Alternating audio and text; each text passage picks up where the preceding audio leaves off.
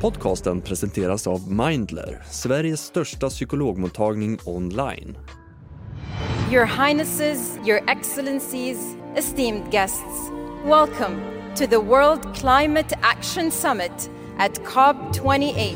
Återigen samlas världens länder för att förhandla om klimatet. Den här gången under ledning av en emiratisk oljeshejk som har ifrågasatt klimatforskningen. There is no science that says that the phase out of fossil fuel is what's going to achieve 1.5. Sultan Al-Jaber har fått pudla från sitt faktaförnekande uttalande men temperaturen på COP28 har redan skruvats upp rejält. How can they sleep at night when the stakes are so high? På en kvart får du veta hur det ser ut bakom kulisserna på mötet och om chefen för ett oljebolag i Förenade Arabemiraten verkligen kan rädda klimatet. Det grundläggande problemet är givetvis att han uppenbarligen sitter på dubbla stolar. Det är den 7 december. Det här är Dagens Story med mig, Erika Treijs. Gäster idag från ett stekhett Dubai är klimatreporter Mikael Törnvall och fotograf Magnus Hjalmarsson Neideman.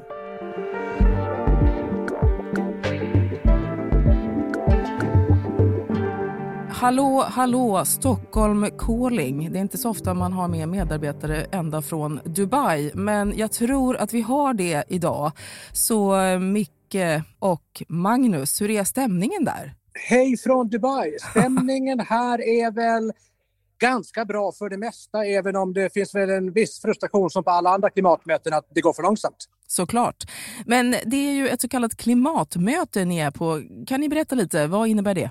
Varje år numera har FNs klimatpanel ett stort möte där man framför allt egentligen diskuterar hur ska vi klara av de mål som sattes upp i Paris 2015. Det vill säga att vi ska försöka hålla den globala uppvärmningen helst så lite som 1,5 grader. Och här diskuterar man egentligen hur ska det gå till. Mm. Och vi, jag tänker att vi återkommer till Parisavtalet och de här 1,5 graderna. Men eh, vad är främst på agendan? Vilka är de stora förhandlingspunkter som ska avhandlas? Man kan väl säga att den största enskilda förhandlingspunkten är kopplad till något som kallas Global Stocktake. Och det är väldigt förenklat helt enkelt att nu ska man verkligen försöka sätta siffror på hur långt har omställningen verkligen kommit. Och när man då ser det så ska man också försöka diskutera, okej, okay, vi ligger efter, vi måste öka takten, men hur fördelar vi ansvaret för det? Sen kommer det vara väldigt mycket diskussioner också kring finansiering. Det vill säga hur ska de fattigare länderna ha råd att ställa om? Och hur ska de ha råd att anpassa sig till de klimatförändringar som redan äger rum? Mm. Det kommer ju rapporter hela tiden som tyder på att det går åt fel håll. Vad är det tydligaste budskapet från COP28 så här långt? Vad ska man göra för att få kurvan att gå åt rätt håll? Som vanligt skulle jag lite cyniskt säga att eh, de fortsätter prata. När man tittar också på de här rapporterna så är det en slående skillnad mellan löftesrapporten, det vill säga om man räknar ut om alla länder gör vad de har lovat, då kommer utsläppen att minska rimligt bra, men inte fullt så snabbt som vi ska klara 1,5 grader. Men sen när man tittar på vad som faktiskt händer, det vill säga det som kallas implementation gap, då ser man att det är ingen som lever upp till sina löften. Mm. Och därmed, man pratar väldigt mycket. Vi måste öka takten. Det finns jättemycket skyltar här överallt där det står i princip time for action. Men om det verkligen blir action, det återstår att se för det är många dagar kvar av förhandlingarna. Verkligen. Men ni är på plats redan nu och vi spelar ju in på tisdag lunch. Och det är långt innan politikerna drar igång förhandlingarna och allehanda nattmanglingar tar vid. Varför då? Förhandlingarna har ju startat redan nu men det är egentligen först eh, senare som klimatministrarna kommer hit och de på allvar ska försöka besluta vad är det vi ska komma fram till. Anledningen till att vi är här är ju att varje kopp också liksom en jättestor mässa kan man nästan säga i klimatförändringar. Alla länder är här, jättemånga storföretag är här för att visa upp sina lösningar på klimatförändringarna. Flera oljebolag är här också och eh, enligt ryktet flera av dem försöker passa på att sälja lite olja när folk ändå är här. Och vad vi försöker göra helt enkelt är att titta spelet runt omkring. Vad händer med näringslivet? Vad har de för lösningar på gång? Ja, för det är en hel del svenska företag på plats också. Ja, och det, men det intressanta här är att politikerna är de som fattar beslutet och pekar ut riktningen. Det är hitåt vi måste gå. Men det är ju företagen som måste leverera. De måste ta fram tekniken för fossilfria alternativ. Allting från elbilar från Tesla till fossilfritt stål från Svenska Hybrid. Mm. Och det ser man jättemycket av här nu, vad som faktiskt är på gång. Jag skulle också vilja att du målar upp en bild. För, för vi anar ju bara hur det ser ut där hos dig. Men, men hur är det bakom kulisserna? Vi journalister sätts ju inte in i de här eh, riktigt mörka rökfyllerummen. höll jag på att säga. Men eh, vad man förstår så är det så att det pågår ju dels förhandlingar i de mera öppna sammanhangen där eh, ministrar och förhandlingsdelegationer möts och lägger fram sina förslag. När det gäller att lösa upp knutarna så är det så att två delegationschefer träffar varandra på en fika och säger att ja, men kan vi inte göra så här? Vi byter ut det ordet mot det här ordet, då kanske vi kan komma fram. Det är en spännande bild du målar upp, tänker jag. Att, att världens ledare och politiker och andra sitter och och jobba med någonting som skulle kunna liknas vid någon slags skoluppsats. Va? Man byter ett ord mot ett annat för att alla ska bli nöjda med slutresultatet. Ja, och ibland är det ju i andra riktningen, det vill säga att ingen är nöjd. Bästa exemplet på det är ju när man diskuterade hur snabbt vi ska göra oss av med fossila bränslen. Och då ville de mer ambitiösa länderna för något år sedan med ordet vi måste fasa ut användningen av fossila bränslen, det vill säga vi måste sluta använda det. Men då ställde bland annat Indien faktiskt som en stor användare av kolenergi sa att ska vi gå med på det här, då måste vi säga fasa ner. Mm. Det vill säga i princip, vi använder lite mindre men vi tänker fortsätta koka kol. Mm. Så mycket sådana ordval är snarare ett sätt att få ett avtal men det betyder inte speciellt mycket. Ja, det är något som vi alla kommer att ta del av här framöver, hur det går med det här slutdokumentet. Men jag skulle vilja spela in dig också här, Magnus. För jag tänker, du är ju fotograf och du rör dig i vad jag inbillar mig är någon slags mässhall där världens ledare och kanske också kändisar finns. Berätta, vad är det du har fångat på bild så här långt? Det är ju inte riktigt en mässhall det här, eller det är flera mässhallar som sitter ihop. Och så mycket av det man gör här är att gå mellan de olika mässarna utomhus i gassande solsken. Då när man går på vägen, de här, det är fullt av folk. Och så plötsligt, i, i, häromdagen när vi gick på eh, en av de lite trängre passagerna, vi skulle bort till den svenska paviljongen, så plötsligt börjar några brasilianare framför oss och skandera Lula, Lula, Lula. Och då var det president Lula som åkte förbi en liten golfbil. Mm. För så rör de sig allihopa här, de här dignitärerna, alla de här stora världsledarna. De åker runt i små golfbilar. Även FNs generalsekreterare Guterres kom ju åkandes i en liten golfbil. Mm. Men vad har ni med er så här långt då? Jag har fotograferat John Kerry då, som är USAs förhandlare här på klimatmötet. Och sen Bill Gates. Han var väldigt eh, nära när han skänkte massa pengar till ett svenskt bolag. Och sen har vi, ja, vår statsminister naturligtvis och Ebba Busch. När de hälsade på John Kerry, det var en, en väldigt rolig eh, ögonblick. De blev väldigt lyckliga, nästan som små barn som blev glada över att vara med i den här stora världen. Jag tänker att vi också måste tala om Sultan Al-Jaber som är ordförande för klimatmötet. Vem är han? Förutom då sin nuvarande roll som ordförande för årets klimatmöte så är han VD för Förenade Arabemiratens statliga oljebolag. Och det är ju onekligen ganska många kritiker som har uppmärksammat den motsättningen. När det blev klart så var det ganska många som krävde att han inte skulle få vara ordförande.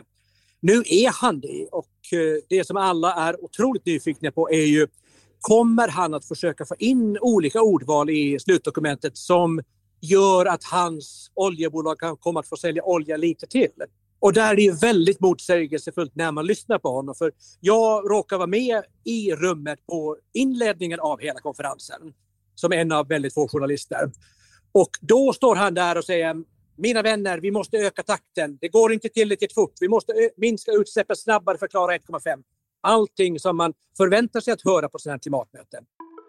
Men så sent som i november sa Sultan Al-Jaber på ett klimatevent att det inte finns någon forskning som visar att vi måste sluta använda fossila bränslen för att nå FNs klimatmål. There is no science out there that says that the phase out of fossil fuel is what's going to achieve 1.5. Det möttes av en kritikstorm och shejken tvingades sen backa från sitt uttalande. Everything this presidency has been working on is focused on and centered around the science. Samtidigt är oljeutvinning helt avgörande för Gulfstaternas ekonomi och därför förespråkar de andra lösningar, en utfasning av fossila bränslen. budskapen från arabländerna är ju mycket där att det är koldioxidinfångning som ska lösa ekvationen. Just det. En teknik som är i sin linda fortfarande. Så där återstår det ju att se om de har rätt eller inte. Men det kommer att bli en hel del bråk när man ska formulera slutmålen hur mycket oljeanvändning och gasanvändning man ska kunna tillåta framåt. Mm. Finns det som ni ser det någon fördel med att, att en person som ändå kommer från ett oljeland är den som leder de här klimatförhandlingarna? Alltså det jag hör från en del är ju att dels så har han ju en unik möjlighet onekligen att prata med sina andra oljekompisar så att säga. Det är klart liksom att om Greenpeace kommer till ett oljebolag och säger att ni måste minska utsläppen så rycker de på axlarna. Men om en VD för ett av världens största oljebolag säger samma sak så det är klart att det, det har ju mera tyngd. Mm. Den andra saken man hör från vissa är ju det att just på grund av den hårda kritiken så kommer han inte att kunna försöka få igenom hur luddiga skrivningar som helst. Han är tvungen helt enkelt att släppa igenom ett tufft språk just för att slippa ytterligare kritik. Du nämnde mycket Ebba Busch och Kristersson och de andra som kommer från den svenska delegationen. Och vi här hemma vi har ju då sett dem stråla i kapp med ett antal av världens stora ledare. Och då har man talat om att öka kärnkraften. Vad vet ni om detta? Det var en presskonferens häromdagen där 21 länder, tror jag att det är, bland annat då Sverige, men även Sydkorea, USA, Ukraina faktiskt, och Storbritannien och Frankrike Eh, har enats om eh, en lite löst formulerad ambition att tredubbla kärnkraften fram till 2050. Alltså en väldigt, väldigt kraftig utbyggnad. Mycket kraftigare än den som vi nog kommer se i Sverige. Eh, och syftet är naturligtvis det att man ser att kärnkraft är trots allt en i stort sett fossilfri energikälla som skulle kunna trycka ut väldigt mycket användning av framförallt kol och gaskraft. Mm. Och hur är diskussionen kring riskerna med kärnkraft? Kommer det upp ens på ett klimatmöte som det ni är på? Nej, den här diskussionen om, som, som man hade efter Fukushima om hur farligt kärnkraft är, den verkar nästan vara över nu. Alla har på något sätt insett att även om man inte gillar kärnkraft om man kommer från det hållet så måste vi leva med det just nu. Det är viktigare att få ner utsläppen än att få bort kärnkraften. Mm. Och vad har man då kommit fram till hittills på mötet? Alltså, vi är väldigt tidigt ändå inne i förhandlingarna i just det här klimatmötet. Så den enda konkreta saken som jag verkligen lyfter fram det är ju att man enades om en fond för att hantera klimatskador. Alltså det vill säga att ge fattiga länder pengar att hantera översvämningar och annat de utsätts för. Men mm. även det var ju bara ett halvt steg i och med att man ännu inte fyllt det med pengar. Man har bara lovat att ni kommer få lite pengar men vi får se hur mycket. Mm. Det kommer ju dröja fram till slutet och förmodligen dagen efter att mötet formellt sett är stängt innan vi ser blev det någonting konkret. Jag förstår. Och efter det så är det ju naturligtvis så att sen ska det implementeras. Så även om vi åker hem härifrån med ett jättefint avtal så är det ingenting som säger att eh, det kommer att leda till riktiga minskningar av utsläppen i närtid. Nej, verkligen. Det är mycket, mycket kvar att göra helt enkelt. Eh, vi, vi, nämnde Parisavtalet och att det, eh, det som ingår i det handlar ju om att vi ska förhoppningsvis då stanna på en och en halv grad men väl under två grader. Men vad är Sveriges roll på det här klimatmötet? Är Kristersson där att, för att förhandla eller vem är det som Nej. företräder Sverige? Sverige är en del av EU, det vill säga Sverige är med och representerar EU i några av de här eh, många punkterna som ska förhandla men vi har ingen egen röst som nationen Sverige i de här förhandlingarna. Mm. Jag skulle nog säga att eh, en av de viktigaste sakerna Sverige gör här det är att visa upp svensk teknologi för att minska utsläppen. För oerhört mycket av det som behövs för att orden i avtalen ska omvandlas till verklighet det är ju att näringslivet tar fram lösningar som gör att det går att minska utsläppen. Mm för några år sedan när de här ambitionerna satts, då visste ingen egentligen hur det skulle gå till. Nu har vi ju tekniken på plats och det är klart att det blir mycket lättare för länder som Indien och Kina och andra att skruva upp sina ambitioner om de också kan se att omställningen kan genomföras utan att det blir väldigt, väldigt dyrt. Ja, mycket händer då förvisso för att man ska försöka trycka ner de här koldioxidutsläppen. Men vad gör man för humlorna och vad gör man för naturen? Hur är det med den biologiska mångfalden? Är det ens uppe på bordet? Jag tycker att i de väldigt många diskussioner som vi är i med olika, alltså framförallt då inte i de som sitter i förhandlingsrummet utan med både klimataktivister och företagare och andra. Man kopplar alltid ihop den här frågan mycket mer nu än tidigare dessutom att Omställningen måste gå snabbt men det måste också ske på ett sådant sätt att man skyddar andra naturvärden som biologisk mångfald till exempel. Mm. Hörrni, vi ska försöka avrunda här. Jag tänker, eh, Micke, vad kan vi förvänta oss som verkligen är värt att skriva hem om från COP28-förhandlingarna? Jag tror att det kommer vara mycket kring faktiskt det som sker utanför förhandlingsrummen. Alla de här lösningarna som ändå visas. Det kommer nog vara det som konkret driver omställningen snabbare än ännu ett avtal med ännu ett löfte om att vi ska klara Parisavtalet. Hörni, tack så hemskt mycket och eh, ja, heja på då och se till att rapportera utav bara attan. Tack ska ni ha. Tack från Dubai. Tack. Du har lyssnat på Dagens Story, en podd från Svenska Dagbladet. Gäster idag var klimatreporter Mikael Törnvall och fotograf Magnus Hjalmarsson Neideman. Producent Daniel Sävström och redaktör Maxim Persdotter Wallström. Vill du komma i kontakt med oss?